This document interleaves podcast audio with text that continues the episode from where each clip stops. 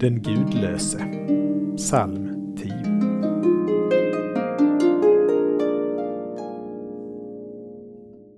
Varför får den gudlöse förakta Gud och tänka, han straffar inte? Det finns människor som med stor självsäkerhet förklarar att det inte finns någon Gud. Somliga skymfar Gud och de som tror på honom. Andra är mer försiktiga och talar om ett högre väsen som vi inte kan veta så mycket om. Det är lätt att stämma in i psalmistens fråga om varför Gud låter detta ske och inte griper in. Ett svar får vi vid Jesu kors, där människorna hånade honom. Hjälp dig själv nu om du är Guds son och stig ner från korset.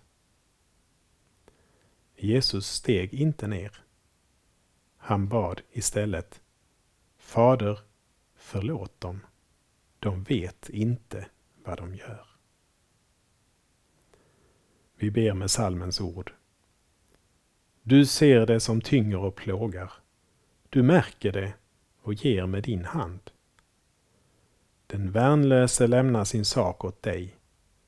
Du är den faderlöses hjälpare. Amen.